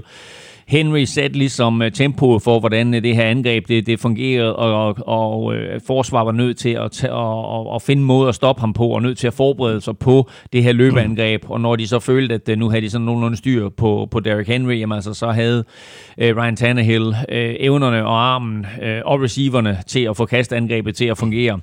Øh, og det er, øh, det er opskriften for Titans også øh, i den kommende sæson, og det har de jo gjort tydeligt klar ved at beholde Ryan Tannehill og få ham på en kæmpe kontrakt, øh, og synes jeg også en for stor kontrakt i forhold til, at han kun lige i et år har bevist, at, at han kan spille på det niveau her. Øh, og øh, Derrick Henry selvfølgelig på sin franchise-kontrakt der, men er jo ikke skrevet under endnu, men altså vi forventer selvfølgelig, at, at, at det sker. Titans mistede Jack Conklin, som du siger, til Cleveland Browns, så det betyder, at de har et hul på den der højre tackle, og jeg kunne godt se dem i, øh, i, i draften her gå ind og, og drafte en tackle, hvis der stadigvæk er en god en tilbage, når, når de drafter. De drafter ret sent, øh, fordi de var i AFC-finalen. Så er jeg kæmpe fan af det, som øh, Colts har foretaget sig de seneste år. Det har jeg sagt uh, masser af gange efterhånden, og jeg synes faktisk også, at de er sluppet godt fra tingene her i free agency. Først og fremmest der har de signet Philip Rivers til en etårig aftale. 25 millioner kostede det. Det er peanuts, øh, når man taler quarterbacks i NFL. Så har de hentet defensive tackle DeForest Buckner hos 49ers. Det kostede dem så pick nummer 13 i draften, og derudover får Buckner 21 millioner om året. Det er også en chat. Colts har også signet med defensive tackle Sheldon Day. Han kommer også til fra 49ers, så Colts har faktisk nu halvdelen af den startende defensive linje for 49ers i Super Bowl. og så har de så uh, resignet med uh, venstre offensiv tackle Anthony Castanzo, og det er uh, sikkert noget, som uh, Philip Rivers var rigtig glad for at høre, at uh, Colts valgte at gøre. Colts har så sagt farvel til tight end Eric Ebron, wide receiver Devin Funches og defensive end Jabal Sheard. Ja, altså øh, uh, Jabal Sheard uh, øh, kan jeg rigtig, rigtig godt lide. En, en spiller, som uh, startede i Browns og var omkring Patriots og så i Colts og uh, egentlig var et kæmpe talent, men, men som vi har hørt alt, alt, alt for lidt til. Uh, ham, uh, ham kommer de til at savne. Uh, til gengæld så synes jeg, at alt hvad de har hævet ind, Uh, og det er ikke fordi, det er mange handler, det er bare gode handler. Det for Buckner er en suveræn handel til den defensive linje. Philip Rivers, hvis han stadigvæk har lidt, øh, lidt, lidt, lidt øh, energi tilbage i armen, jamen så er det også en, en, en superhandel, og så er det vigtigt, at øh, Coles fik overtalt Anthony Costanzo til at tage en sæson mere, fordi han var på vej på pension, men øh, spillede en virkelig, virkelig flot sæson sidste år, så ingen grund til, at han ikke skulle kunne spille en, en, en sæson mere, og øh, nu har de altså fået Philip Rivers ind, og det gør dem, synes jeg, i mine øjne, til slutspilskandidat og også lidt en outsider til Super Bowl. Jeg er enig med det her, sagde jeg jo også, øh, det sagde jeg også før 2019-sæson. Præcis. Så sker der også øh, ting og sager hos øh, Jaguars. Det virker som om, de på mange måder er i gang med at begynde helt forfra. Først og fremmest så har de selvfølgelig sagt farvel og tak til Nick Foles. Det var en kort fornøjelse. Nu er det Gardner Minshew's show, og han kan blandt andet se frem til at skulle kaste bolden til tight end Tyler Eifert, der har sagt farvel til Bengals. Defensive end Calais Campbell er blevet traded til Ravens. Cornerback AJ Bowie er blevet traded til Broncos. Defensive tackle Marcel Darius er blevet fritstillet. Linebacker Joe Schobert har til gengæld skrevet under på en femårig aftale til knap 54 millioner. Og så er defensive end Yannick Ngakui Ngakwe. Ngakwe selvfølgelig. Han er blevet øh, franchise-tagget. Øh, nu må vi så se, om han overhovedet gider spille for Jaguars. Måske ender han med at blive traded, og så kan Jaguars da for alvor få noget at skyde med i draften. Jeg mener, de har 12 picks i forvejen. 12 picks og to picks i første runde, og øh, Ngakwe øh, tweetede i sidste uge, Who needs pass rush? Sagt med andre ord, jeg vil væk fra Jacksonville. Så øh, hold øje med den, hold øje med den situation. Han kommer med stor sandsynlighed ikke til at spille for Jaguars i år, men altså med, øh, med, med, med Clowney på det, på det frie marked, og med, med et par andre pass rusher, som stadigvæk ikke er signet, der er spørgsmålet, hvad markedet er for, for Ngakwe. Øh, der er der ikke nogen tvivl om, at han er en super dygtig spiller, og det er også derfor, at, at Jaguars har franchiset ham. Men altså, lad os nu lige få, få de andre free agents på plads der, og så se, hvem, hvem der har øh, draftkapital kapitalen og pengene til at trade sig til, uh, til Ngakwe. Men ellers så total ned, nedrivning uh, i Jaguars. Uh, de endte jo med at, at, at give uh, Nick Foles 30 millioner dollars for et enkelt års uh, service, og jeg sagde sidste år at han spillede en 6-7 kampe. Det passer ikke, han spillede fire kambe. Så, uh, det, ja, spillede han, startede han ikke flere kampe? Han, jeg tror, han spillede fire. Jeg tror, han startede, startede fire kampe. Hold da kæft. Ja, han blev skadet i sin første kamp. Kom Minshew ind, så øh, gik øh, internettet amok, og øh, alle øh, iklædte sig overskæg, eller groede øh, sit eget overskæg, og øh, så var der behov for en eller anden form for, for ja, noget, noget nyt blod eller et eller andet, fordi Minshew blev, blev lidt tør for energi. Så kom Nick Foles tilbage, og det viste sig at være en endnu større katastrofe, så det blev til fire kampe for Nick Foles sidste år. 30 millioner dollars. Det er også en chat. Skal vi komme med øh, en forudsigelse for, hvordan AFC South øh, ender i 2020? Jeg glæder mig rigtig meget til at høre, hvad du har her. Ja, jeg har Titans til at vinde divisionen. Har du det? Ja. Jeg, har, jeg har sat Colts øverst. Ja, jeg har Colts 2. Ja. Hvem har du to? Jeg overvejede Texans. Og dem har jeg tre. Ja, ja. Og så har jeg Jaguars 4. Ja, men er vi er næsten enige så. Jeg, jeg siger Colts, Titans, Texans, Jaguars. Okay, ja, vi er næsten enige så. Ja. Wow! Ugen spiller præsenteres af Tafel. Så skal vi nemlig have fundet en øh, heldig vinder i øh, ugens spillerkonkurrence. Vi stillede et øh, spørgsmål og postede det i går på Twitter og på Facebook. Et øh, spørgsmål, der ville have været fuldstændig latterligt at stille for nærmest bare et øh, år siden. Vi spurgte, kommer Patriots i slutspillet i år? 42 procent svarede ja. 58 procent svarede nej. Der er sket Nogen, noget, ikke? Præcis, og nogenlunde samme fordeling på, på Facebook, hvor vi også stillede spørgsmålet. Der øh, var der øh, over 150, der stemte, og det var også nogenlunde den der procentsats der. Men det er vildt nok 42 procent. Ja, det er vildt. Tror på dem. 58 tror jeg ikke på. Ja. Claus, du er som så vanlig lykkens gudinde. Og det er jo dejligt at mærke, at, øh, at der er nogen, som, øh, som følger med derude, fordi jeg kan da mærke, at det, øh, det går ikke ned i antallet af besvarelser, Nej, du har det er, her. det er næsten det, det samme antal besvarelser, som det er i sæsonen. Okay. Godt. Jeg trækker et navn her. Der er sgu en, der skriver ja. det er skide godt. Vi skal lidt smut til Hedehusene, og vinderen er Stefan Rasmussen. Stort tillykke til dig, øh, Stefan Rasmussen. Jeg sender dit øh, navn og adresse videre til Tafel, og så tager Rookie sig af resten. Og hvis du også godt kunne tænke dig at vinde sådan en øh, kasse med Tafelchips, jamen så skulle du tage at følge NFL-showet på Twitter og på Facebook. Det er nemlig der, vi sætter konkurrencen i gang, og det gør vi allerede igen i næste uge, når vi samler op på NFC. Du stemmer på din favorit på mailsnablag.nflshowet.dk, og det gør du ved at skrive dit bud i emnelinjen, og i selve mailen, der skriver du dit navn og adresse. Så øh, hopper vi øh, lige præcis i øh, AFC East. Øh, vi lægger ud med Patriots, hvor alt jo ser anderledes ud nu, efter at Tom Brady ikke længere er i klubben. Det er følgende spillere heller ikke. Linebackers Jamie Collins og Kyle Van Noy, defensive tackle Danny Shelton, center Ted Karras, han er i øh, Miami nu, og safety Duron Harmon, han er blevet traded til øh, Lions. Guards Joe Tooney er blevet franchise-tagget. Safety Devin McCourty har forlænget med to år. Og så er spørgsmålet, hvem der starter på øh, quarterback i år. Bliver det Jared Stidham, Cody Kessler eller Andy Brian, Brian Hoyer eller Andy Dalton? Andy Dalton. Ja. Lad os nu se, hvad der sker efter draften også, fordi øh, jeg tror, at quarterback-situationen i New England er meget afhængig af draften. Der er ikke nogen tvivl om, at, at Cincinnati Bengals de går ind og vælger den quarterback, der hedder Joe Burrow. De har en pick nummer et, Cincinnati Bengals, og øh, alt tyder på, at det, det bliver Joe Burrow, der skal ske noget meget, meget voldsomt, hvis det ikke bliver ham. Og når de så vælger ham, så kan de så vælge at gøre et af to der efterfølgende. Sign ham og beholde Andy Dalton som en mentor, eller se, hvad de kan få for Andy Dalton. De har jo stadigvæk Andy Dalton på kontrakt. Det er jo ikke sådan, at han er free agent. Og det vil sige, at de kan måske sende ham videre øh, for et øh, draft pick øh, til næste års draft eller et eller andet. Og øh, der er, øh, nu, nu er det længe siden, at de har været op og vinde, men der har i hvert fald været rygter omkring, at Andy Dalton var interessant for New England Patriots. Jeg tror, vi skal forbi draften, før der sker noget yderligere på, på Patriots-fronten med hensyn til quarterback-positionen. Men Andy Dalton er en mulighed, James Winston er en mulighed, øh, Joe Flacco øh, er en mulighed, og Cam Newton er selvfølgelig mm. en, en mulighed. Øh, de skal nok gøre et eller andet. Vi kommer ikke til, forestiller mig, at se den trio, som de har lige nu, hvad den trio, de går ind i sæsonen med. Øh, og gør de det, jamen, så er det klart, at, at Jared Stidham lige nu er navnet, men at Brian Hoyer selvfølgelig er der i, i, i kulissen og med sin erfaring og rutine, også i øh, Bill Belichick og Josh McDaniels system, jamen så kunne vi faktisk godt ende med at se ham ja. øh, starte for Patriots. Ja.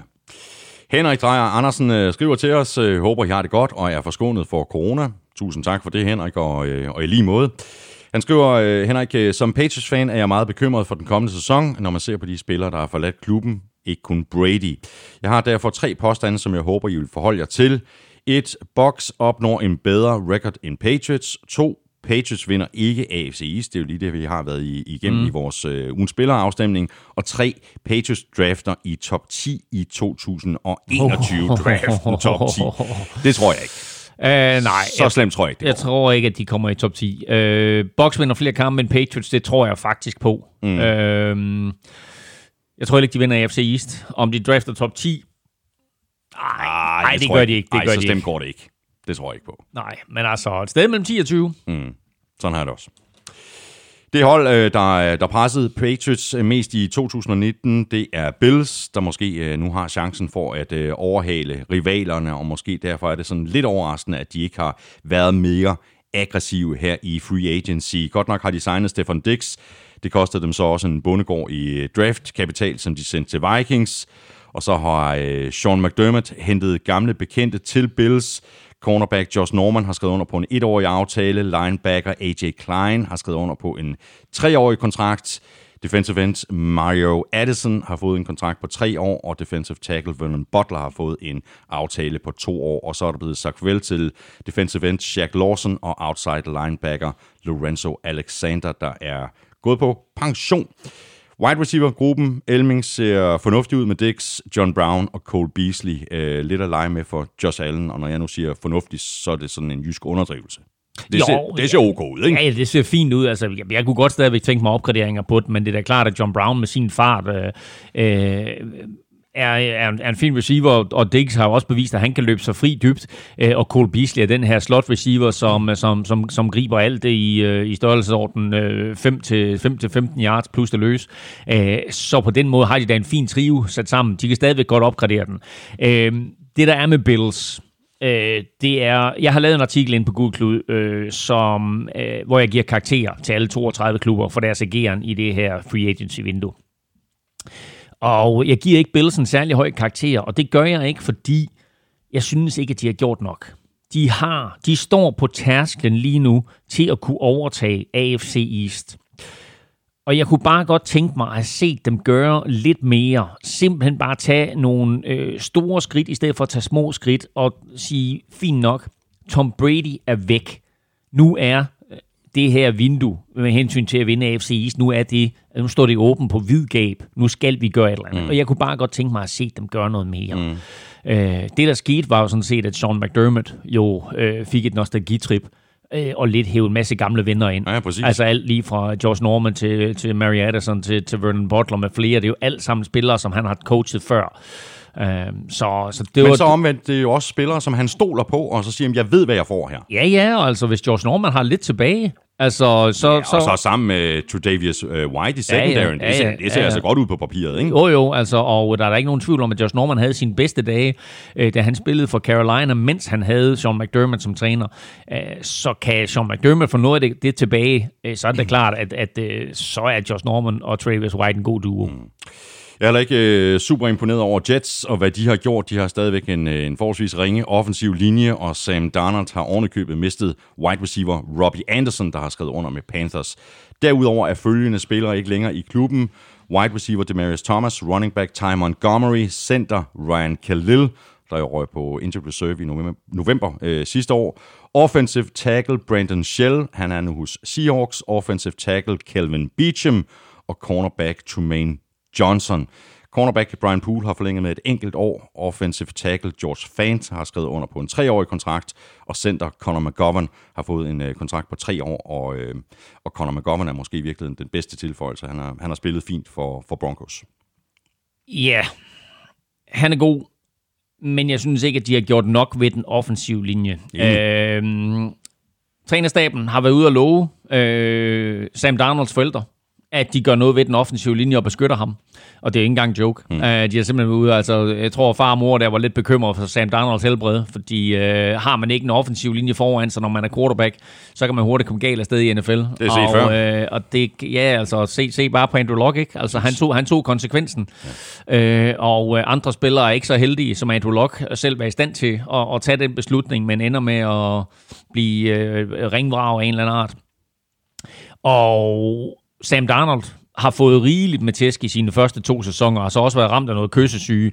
Øh, så han har ikke, øh, han har ikke fået øh, den start på NFL-karrieren, som Jets-fans havde håbet på. Men når vi har set ham, og når han er god, og når det spiller, og når Adam Gases angreb fungerer, så har der været mange positive tendenser. Men som du siger, de mister, han mister Robbie Anderson, altså hans bedste receiver, ikke? Øh, bliver svært at erstatte. Øh, man kunne godt gøre det i draften, der jo er, er, er rig på dygtige receiver, men de skal også have noget hjælp på den offensive linje. At de hiver George Fant ind og giver ham en eller anden kæmpe kontrakt fra Seattle Seahawks, det er jo fuldstændig åndssvagt.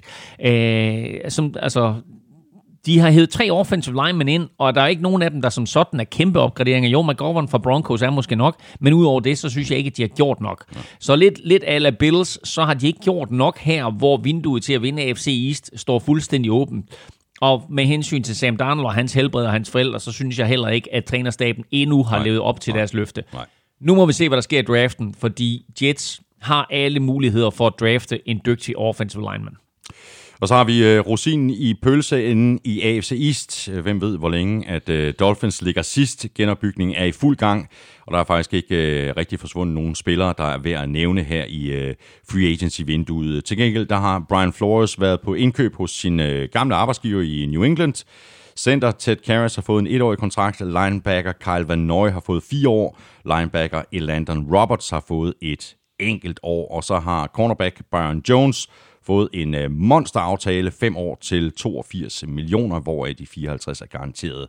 Guard Eric Flowers har fået en aftale på 3 år. Running back Jordan Howard har skrevet under på en 2-årig kontrakt. Defensive end Shaq Lawson bliver i divisionen. Han har fået en øh, treårig aftale, og defensive end Emmanuel Ogbar er kommet til for Chiefs. Han har fået en toårig aftaler, så har safety Adrian Colbert skrevet under på en etårig kontrakt. Øh, Og så skal Dolphins lige have tur i, i draften, eller tror du ikke, det, tror du ikke, de går efter ham? Jeg tror, de går efter Tua Tonga Ja, nu må vi se, om, om, om de tør blive på, på øh, deres femte position i øjeblikket, eller de skal trade op til toeren, som vi talte om i starten. Jamen, jeg tror, der sker allerede noget på turen. Men øh, nu, nu, nu talte jeg ikke sekunder her med, med, hvor lang tid det tog, der at læse alt det der op. Men prøv at se, hvor mange ting, der er sket i Miami. Uh, altså et, så har de været super aktive uh, her i free agency, og to, så har de 12 picks, mener jeg det er, i, øh, i, i draften som helhed, og tre i første runde. Og de der tre i første runde, jamen, der kan de altså godt pakke de to af dem, og så kravle op øh, på, på Redskins anden plads Øhm, jeg synes, de har gjort det godt. Jeg synes, de har hævet nogle spændende spillere ind. Det er ikke sådan topspillere ud over Byron Jones, øh, men alle sammen spillere, som tilfører noget erfaring og noget energi. Øh, tænk på, at øh, Brian Flores, der, der er head coach i, i, i Dolphins, selvfølgelig har en fortid i Patriots, og vi sad og roste ham øh, sidste år, da, da, da Dolphins endelig fik vendt skuden, så havde, gjorde han rigtig mange gode ting, og fik de her unge spillere, som var blevet svinet til, for at de ikke var dygtige nok i NFL, så fik han dem faktisk til at tro på, at de kunne mm. en fodboldkampe. Og det gjorde de jo så, vel at mærke med Ryan Fitzpatrick som, som quarterback. Øhm, nu øh, synes jeg, at øh, lad os, lad, uh, Byron Jones og Savian Howard udgør en fremragende duo på, uh, på, øh, på, på cornerback, uh, og nu synes jeg, nu skal, der, nu skal der nogle profiler ind via den her draft.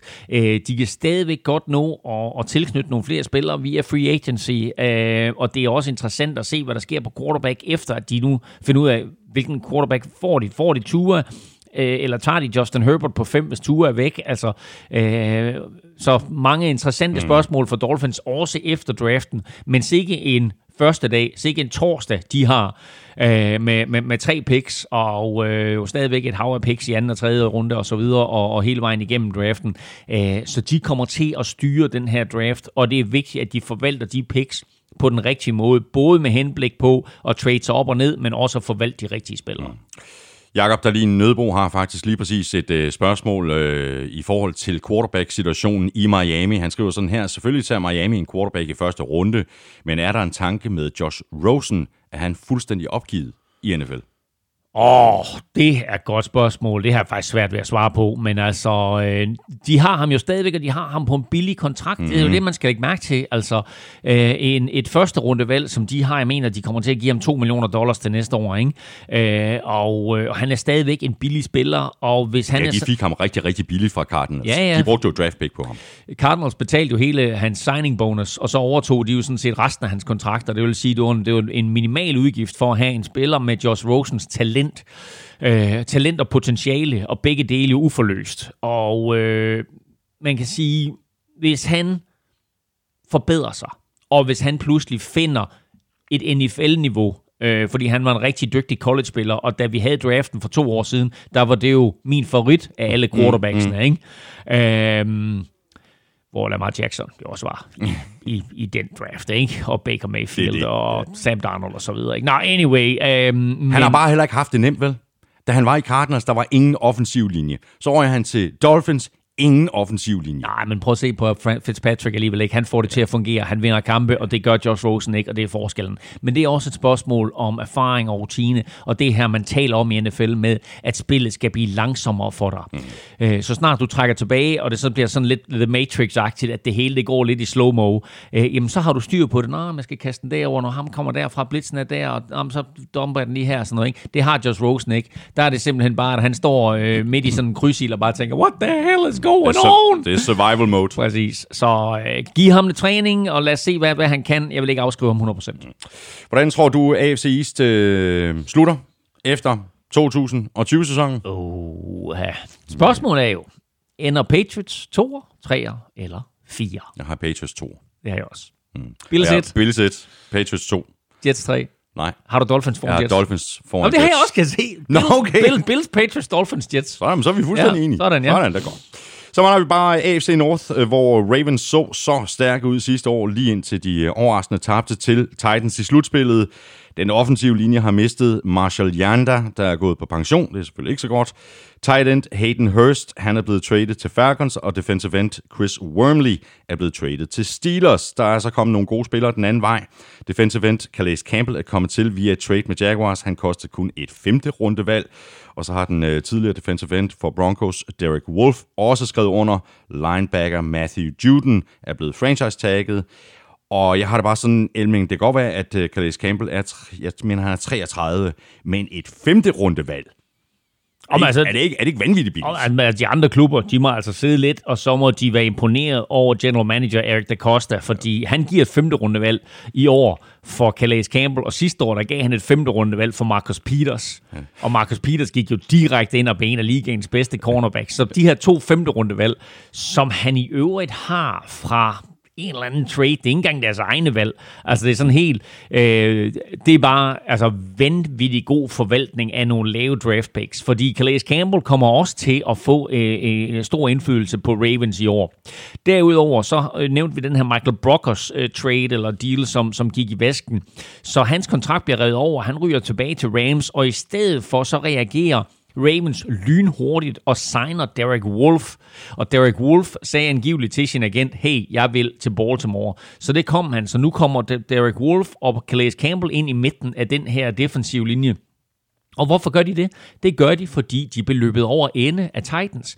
Tænk på Chiefs for to år siden. De kan ikke stoppe Patriots. Hvad gør de så? De siger, hey, vi er AFC-finalen, men fuck det, vi skifter vores defensive koordinator ind, øh, ud og sætter en ny mand ind, der kan forstyrre på det her. Mm og de ender med at vinde Super Bowl. Ravens var jo store favoritter sidste år. Der var ikke nogen, der havde set dem tabe til Titans, men de blev løbet over enden, kan ikke kontrollere Derrick Henry, så nu siger de, fint, den der øh, den der maskine, den der offensive type af fodbold, den kunne vi ikke håndtere. Nu gør vi det, der skal til for, at vi netop kan håndtere Derrick Henry og Titans, skulle vi møde dem en gang mere. Mm. Steelers, de var uden øh, Big Ben sidste år. Han er tilbage. Det bliver spændende at se, hvordan øh, han ser ud. Øhm, outside linebacker, but Dupree, han er også tilbage. Han er nemlig blevet øh, franchise-tagget. Fullback Derek Watt har skrevet under på en treårig aftale og kommer altså til at spille på samme hold som brormand TJ. Tight end Eric Ebon har skrevet under på en toårig aftale. Defensive end Chris Wormley er kommet til i uh, trade med Ravens, og så har Steelers fået en uh, god mand på den offensive linje i Steph, Steven uh, Wisniewski, der er kommet til fra Chiefs. Uh, alt sammen fint. Uh, knap så godt er det, at uh, Steelers har mistet defensive tackle Javon Hargrave. Han har signet med Eagles. Øh, ja, den gør ondt, fordi øh, han var sådan en meget, meget undervurderet spiller i midten af, af Steelers defensive linje. Øh, jeg er så meget i tvivl om Steelers. Det er klart, at det er øh, altså vigtigt for dem at få Big Ben tilbage, men han er jo heller ikke en vorhar længere. Øh, men hvem har han at kaste bolden til? Ja, han har Juju og Big Ben, og Juju har vist, at de er en god duo. Men Juju synes jeg også, vi så sidste år, okay, han spillede heller ikke sammen med særlig gode øh, quarterbacks, øh, Doc Hodges og, hvad hed ham, der fik en hjelm i hovedet, Mason Rudolph.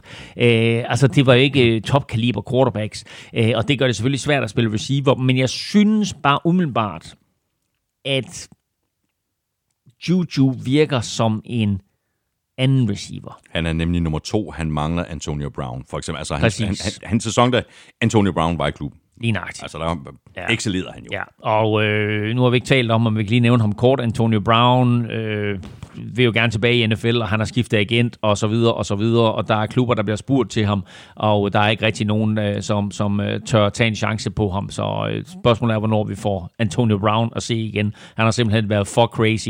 Eller om øh, vi nogensinde får ham at se igen. Eller om vi nogensinde får ham at se igen. Anyway, der mangler noget receiver, halløj, i, øh, i Pittsburgh, og spørgsmålet er, øh, om Steelers vælger en receiver i den her draft. Man skal bare lægge mærke til, at Steelers ikke har noget valg i første runde. Det valg, det brugte de sidste år på Minka Fitzpatrick.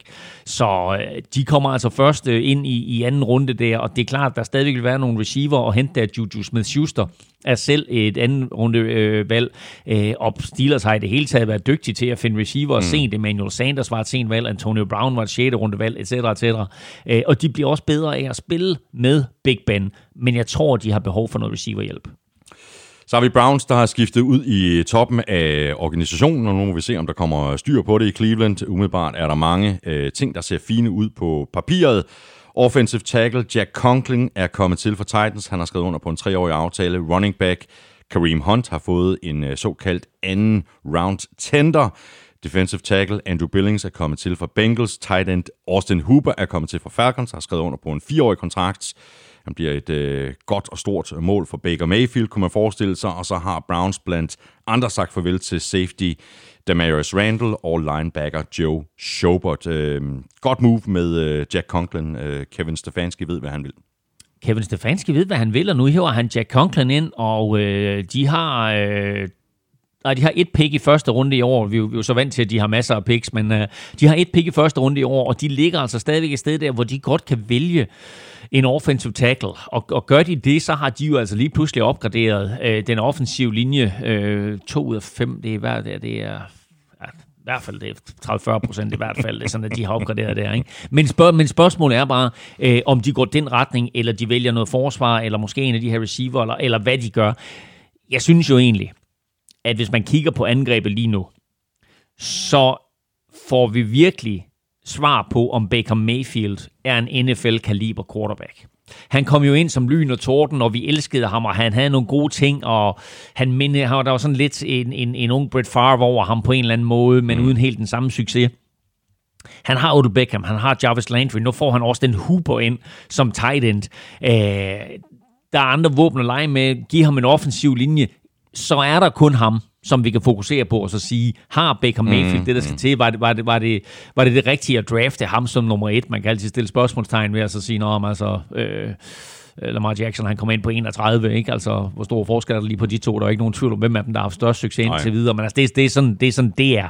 Øhm, men den her sæson her, det kan godt være, at sidste år var meget, meget skuffende for, for Browns fans og Browns i det hele taget. De havde sat næsen op efter, at nu skulle de endelig have en winning season, og de skulle måske i slutspillet og så videre, og så endte det med absolut ingenting. Og det endte også med, at Miles Garrett fik karantæne. Den karantæne har han udstået, så han er tilbage også på holdet. Øhm, så der er masser af gode ting, der er masser af gode spillere, der er en ny retning. Nu går de all in på det her Uh, hvad hedder det, uh, analytics, og de har fået Kevin Stefanski ind som head coach. Uh, jeg glæder mig til at se, hvad de gør med det første runde draft pick. Mm. Uh, jeg kunne godt se dem gå uh, offensive tackle, og så har de virkelig opgraderet den offensive linje. Ja. Men 11 millioner om året for, for Austin Hooper, er det ikke lidt peberet? Øh, jo, det er da, det er da super peberet. Øh, og øh, lige nu er han vel sagtens, den, han er den højst lønnede øh, tight end, men altså det er jo den retning, det går. Alle ja. lønninger stiger uanset position, og jeg kunne da godt se andre klubber have gjort noget. Jeg vil da egentlig gerne have set, altså ikke at jeg personligt vil gerne have set det, men jeg kunne godt have set Austin Hooper komme til Green Bay og have givet Aaron Rodgers en tight end. Nu bliver det i stedet for Baker Mayfield, der får lov, lov til at lege med ham. Og så lukker og slukker vi med øh, Bengals, der sluttede dårligst af alle hold sidste år, og derfor har første pick i draften, og det pick, det bruger de med 99,99% sandsynlighed på quarterback Joe Burrow. Og han kan glæde sig over, at øh, AJ Green er blevet øh, franchise-tagget. Han er ikke den værste sådan at kaste bolden til, og så har Bengals fyret penge af øh, for at signe defensive tackle DJ Reader, der er kommet til fra Texans. Han har fået 53 millioner for fire år. Safety Von Bell er kommet til fra Saints. Han har fået 18 millioner over tre år. Og så har Bengals også hentet de to tidligere Vikings cornerbacks, uh, Mackenzie Alexander og Trey Waynes. Og Waynes har fået 42 millioner for tre år. Og grund til, at jeg siger de her millionbeløb her, det er jo fordi Bengals er jo et af de hold, der ellers plejer sådan at insistere på, at vi bygger langsomt op, vi mm. bygger op igennem draften, og øh, pengene sidder ikke løst i free agency-perioden, mm. men det virker til, at der er kommet andre boller på suppen. At nu skal det være. Ja, altså, jeg kan godt lide de ting, som Cincinnati har gjort øh, i, i det her transfervindue. De spillere, de har hævet ind, den retning, de ser, eller de går i, øh, den måde, det er sådan, at de er i gang med at opgradere holdet nu her, hvor det er sådan, at de faktisk har den der uh, number one overall pick, og de kan tage Joe Burrow, som 100% sikkert skal være manden, der skal føre dem ind i en ny og bedre fremtid. Og så siger de, fint nok, det kan ikke nytte noget, at når han kommer her, at så har vi lort omkring ham. Fordi så får han aldrig en chance. Så nu, nu der siger de simpelthen, fint nok, nu gør vi, hvad der skal til, for at blive klar til, at han kommer. Og så skal man lige lægge mærke til også, at AJ Green bliver rask forhåbentlig, formodentlig. Øh, godt våben for, for, øh, for, for, for, for, for Joe Burrow at lege med. De har en uh, Joe-Kenny Mixon uh, på, på, på running back, som bare bevist sidste år, altså i den anden halvdel var der, af sæsonen sidste år, var der jo ham, og så Derrick Henry, som synes jeg var de bedste running backs i, i, i ligaen, måske krydder lidt med, med Dalvin Cook og så nogle af de der 49ers mennesker. Men, uh, men altså, det, der er mange gode ting i, øh, i, i Cincinnati. Øh, rigtig mange gode ting. Øh, jeg kunne godt se dem også. Og en anden sjov lille ting ved Cincinnati, det er at tænke på sidste år i første runde, der drafter de også højt. Og der vælger de en offensive tackle, der hedder øh, Jonah Williams. Og Jonah Williams bliver skadet i training camp og sidder ude hele sæsonen. Så her får de jo faktisk i gåsøjne et ekstra første runde pick ind i år som blev draftet hvad blev, tre eller fire sidste år, eller måske seks, det var i hvert fald i top 10. Øh, en ægte NFL-show top 5, nej, men, men det var der 3, 4, 5, 6 stykker. Øh, så det er jo faktisk en super dygtig spiller, Jonah Williams, som vi stadigvæk ikke har set på NFL-niveau, som de sætter ind på den der venstre tackle. Mm. Øh, og det skal man bare lige holde sig for øje, at de har altså den der spiller der, som, som ikke har fået lov til at vise endnu, hvad han kan. Øh, så mange, mange interessante ting, der sker i Cincinnati. Og hvordan ser du uh, AFC North uh, ende? Jeg laver en uh, total uh, copycat af 2019-sæsonen. Gør du? Ja. Ravens, Steelers, Browns, Bengals. Ja, altså jeg har Ravens, og så har jeg Browns foran Steelers. Mm. Og det har jeg, fordi jeg har...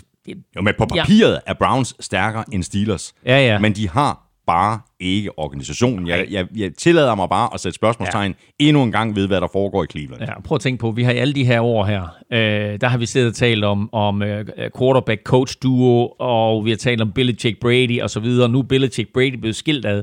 Hvad er så den bedste quarterback-coach-duo? Er det øh, Pete Carroll og Russell Wilson? Eller er det Mike Tomlin og, og øh, Big Ben i Pittsburgh?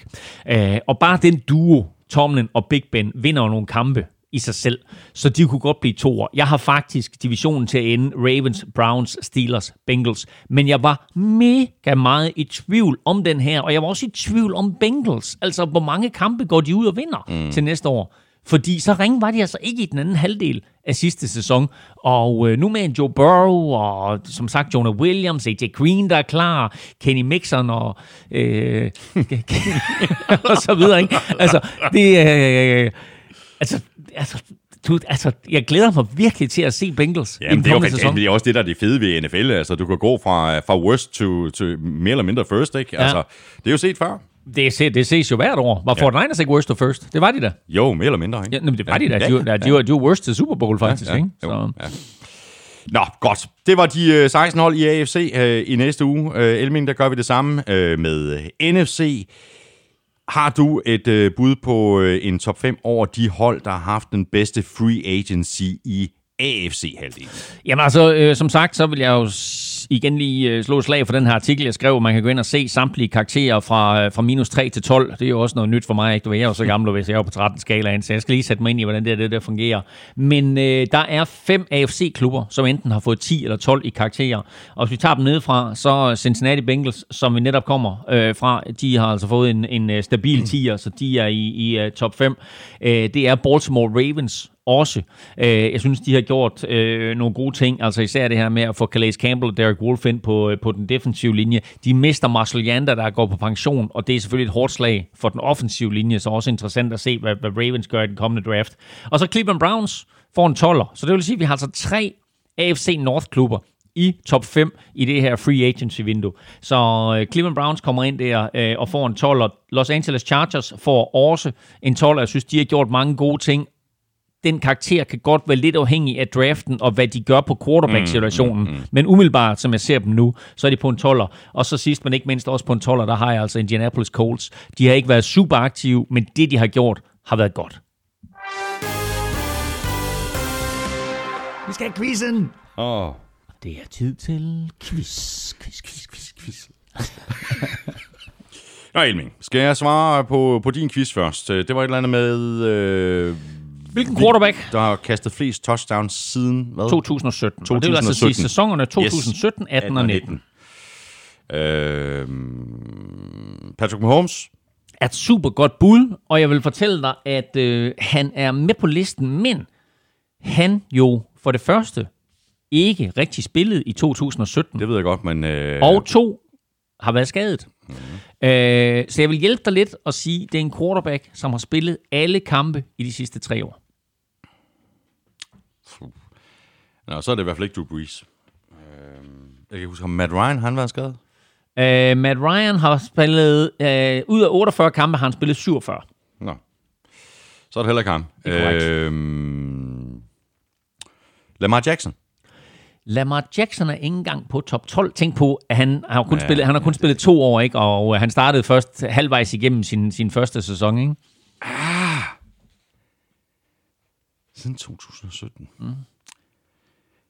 Det ved jeg ikke. Han har jo godt nok kastet øh, mange interceptions også, men James Winston. James Winston er på listen, men for det første har han kun spillet 40 kampe, øh, og han har så kastet 71 touchdowns. Den, der har kastet flest, har kastet 100. 100 touchdowns på 48, 100 touchdowns på På- tre sæsoner. ja, på 48 kampe. Oh, Og det vil man kun grundspillet, vi taler om her. ja, okay. Øhm, pas, pas, jeg ved det simpelthen ikke. Nej. Vi skal til NFC West. Goff. Er det den bedste quarterback, du kom i tanke om i NFC West? Nej, det er Russell Wilson. Jeg kan bare ikke... Og, prøv at se her.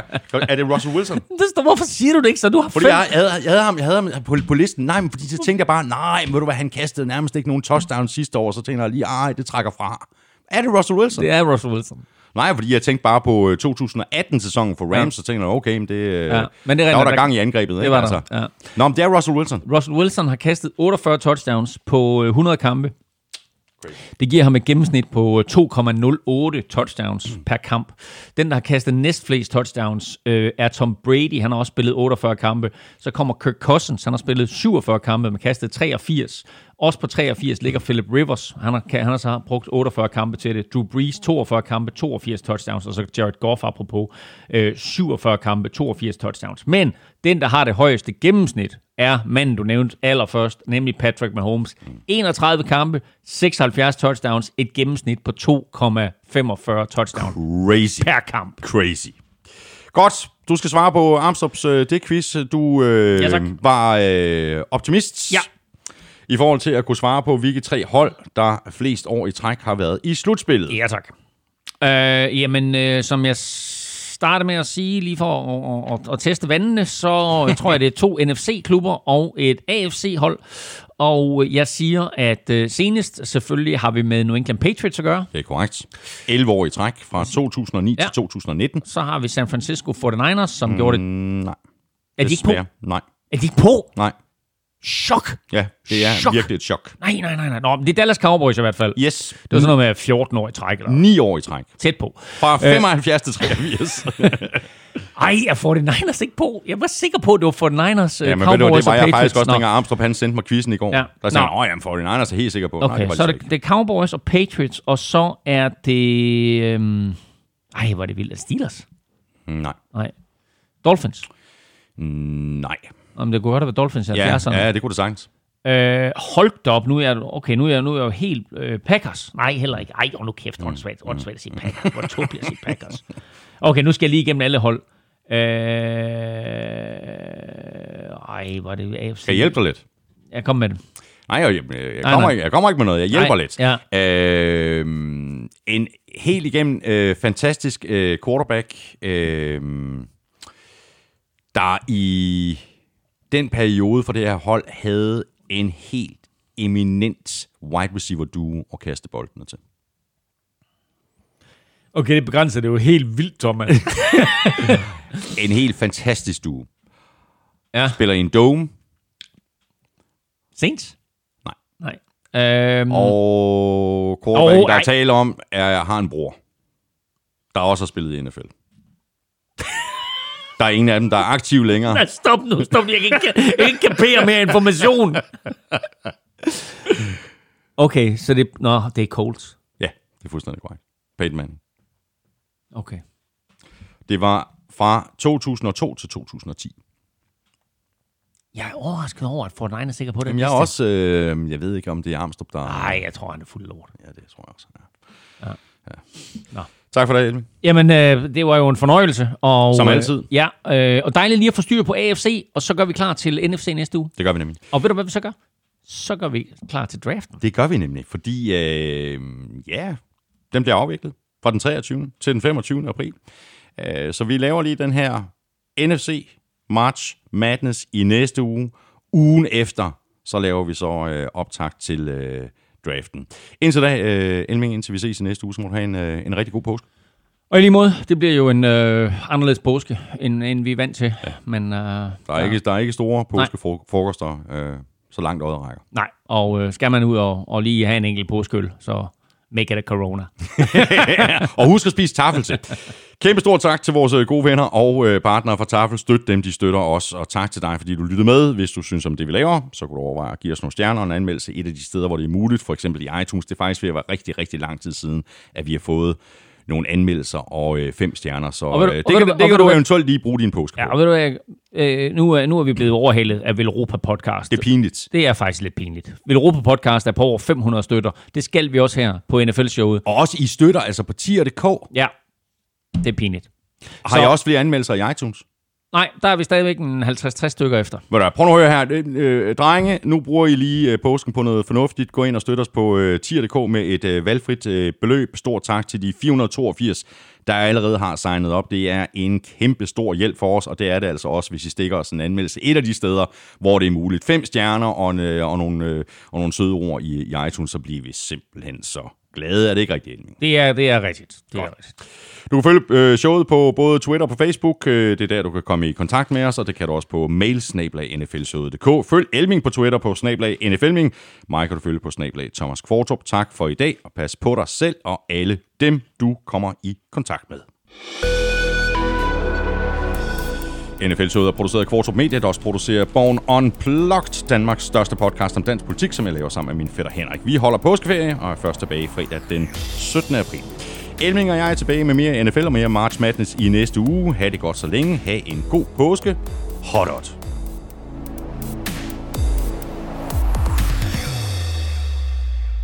Altså, nødt til lige at, nødt til lige at holde fast i den der quiz der. Jeg skal lige have årene igen. Patriots havde hvor mange år? Altså, de var i slutspillet, i- 11 år i træk. 2009 til 2019. og Cowboys var 9, 9 år i træk. og Colts, 9 år i træk. Ah. 2002 til 2009. yes. for Niners, de var kun i gåsøjne 8 år i træk fra 83 til 90. Hvad er Vikings øh, record egentlig? Det gider jeg slet ikke snakke om.